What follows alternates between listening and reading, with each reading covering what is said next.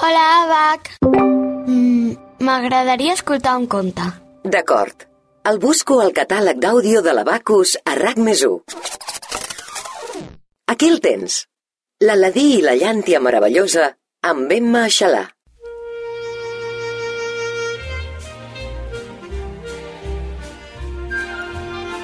Hi havia una vegada un jove molt espavilat, molt alegre, molt agosarat, perquè res li feia por, que vivia amb la seva mare a una llunyana i bonica ciutat de l'Orient. Es deia Aladí. No li agradava gens matinar. Penseu que quan la seva mare li deia que ja era hora de llevar-se, mentre li apujava la persiana de la finestra, ell amagava el cap sota el coixí i es tapava amb mantes i llençols. Pobra mare, santa paciència! Sabeu què acabava fent? Li posava el programa a la primera pedra de rac amb el volum al màxim i vinga, amunt! I ho aconseguia. Si fos per l'Aladí, sempre es llevaria tard. Faria el gandul pels carrers, buscaria alguna feineta ràpida per aquí i per allà per portar quatre calarons a casa i a l'hora de més sol descansaria sota una palmera. Doncs va ser precisament aquí, sota una palmera, que un dia el va trobar un bruixot. Un bruixot dolent, que el va despertar de la migdiada i el va ensarronar perquè l'acompanyés fins a una cova secreta, amb la promesa que hi trobaria un gran tresor. Podràs agafar tot el que vulguis, li va dir el bruixot per convèncer-lo. I com que l'Aladí era un aventurer, doncs no s'ho va pensar dues vegades. A més, va pensar que la seva mare estaria ben contenta si tornava carregat amb or i joies. Tot i així, aquell home li feia mala espina. No acabava d'entendre què volia que fes. I per què no hi vas tu sol? li va preguntar. Perquè l'entrada de la cova és molt estreta i només un noi prim i escardalent com tu podria entrar-hi, li va respondre mentre calculava si passaria o no pel forat. Quan van arribar a l'entrada de la cova, el bruixot li va dir Aladí, cap dins. Has de buscar una llàntia vella i portar-me-la. Les altres coses no m'interessen per res. Només vull la llàntia.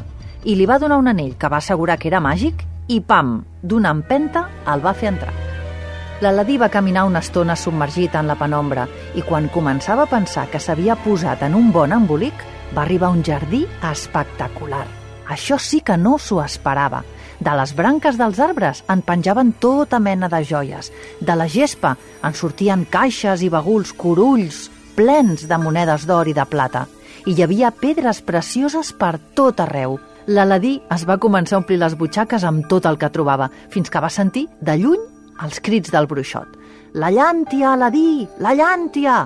I la va començar a buscar per tot arreu i la va trobar en un racó, amagada dins d'una capsa tan antiga com bonica. Ja ho tenia tot, així que va córrer cap a l'entrada de la cova, però és que anava tan carregat que no passava pel forat. Ajudeu-me! cridava ell. Dóna'm la llàntia, vinga! bramava el bruixot allargant el braç, però és que l'Aladí no aconseguia sortir de la cova i el bruixot, molt impacient, va agafar una enrabiada de mil dimonis i li va llançar un terrible encanteri. Penseu que semblava copiat de les aventures d'en Harry Potter. Petrificus, Clausus, Totalus! I la porta de la cova es va tancar per sempre, per sempre més. Pobre Aladí, estava tan desesperat i tan nerviós que no deixava de tocar i de fregar l'anell que portava i la llàntia que havia trobat amb les mans. I de sobte, la llàntia es va moure sola. I en va sortir fum. I en va sortir un geni, un geni majestuós, que tenia una veu encara més imponent que la del bruixot. Soc el vostre esclau, oh senyor meu.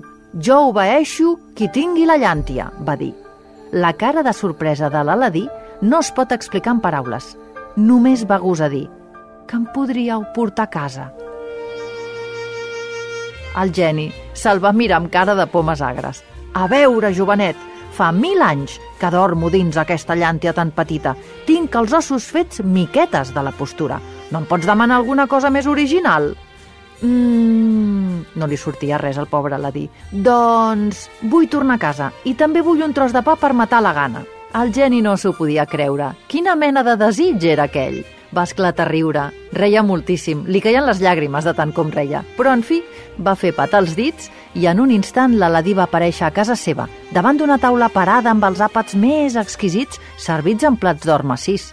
Un cop s'ho va haver menjat tot, l'Aladí va sortir esperitat de casa i va vendre els plats d'or i amb les monedes a la butxaca va passejar tip i feliç. Just en aquell moment, la princesa Jassamí i les seves donzelles es dirigien cap als banys de la ciutat. L'Aladina havia sentit a parlar molt de la bellesa d'aquella princesa i no se'n va poder estar. La va seguir amb badalit.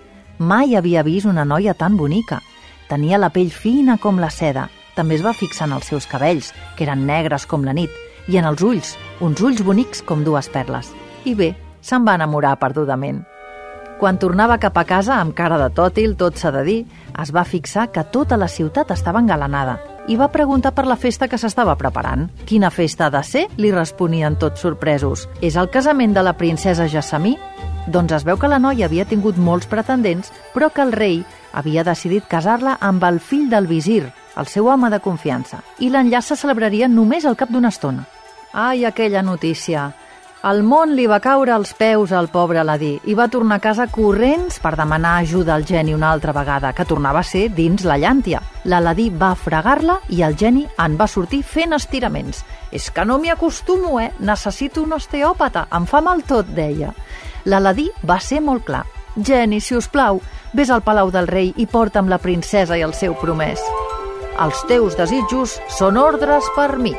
I va desaparèixer del nas de l'Aladí per reaparèixer al cap de només uns segons amb el llit de noses i els nuvis que estaven ben adormits. Però el fill del visir es va despertar, va veure aquell núvol que era el geni i es va espantar tant que va fugir cames ajudeu-me. Aleshores l'Aladí es va seure al costat de la princesa, que seguia adormida, i es va passar tota la nit mirant-la, gairebé sense respirar. Quan la Jassamí es va despertar i va veure com la mirava, també se'n va enamorar i va pensar que tenia molta sort perquè s'havia tret de sobre el fill del visir, que no li agradava gens ni mica. I sabeu què va passar l'endemà? Doncs que sense pensar-s'ho dues vegades, l'Aladí va demanar audiència al rei. Li va oferir un bagul ple de joies i diamants i li va demanar la mà de la seva filla, la mà de la Jassamí. Aquell regal era digne de la princesa i el rei va acceptar. De fet, sabeu què? Encara ara segueixen tan feliços aquest parell. A Abacus trobaràs la millor selecció de llibres infantils i d'adults. Jocs de taula, joguines i tecnologia. Un univers de manualitats i articles de papereria. Idees i propostes apassionants per gaudir en família. Abacus ho té tot. Vine a la teva botiga Abacus o visita la nostra web abacus.com.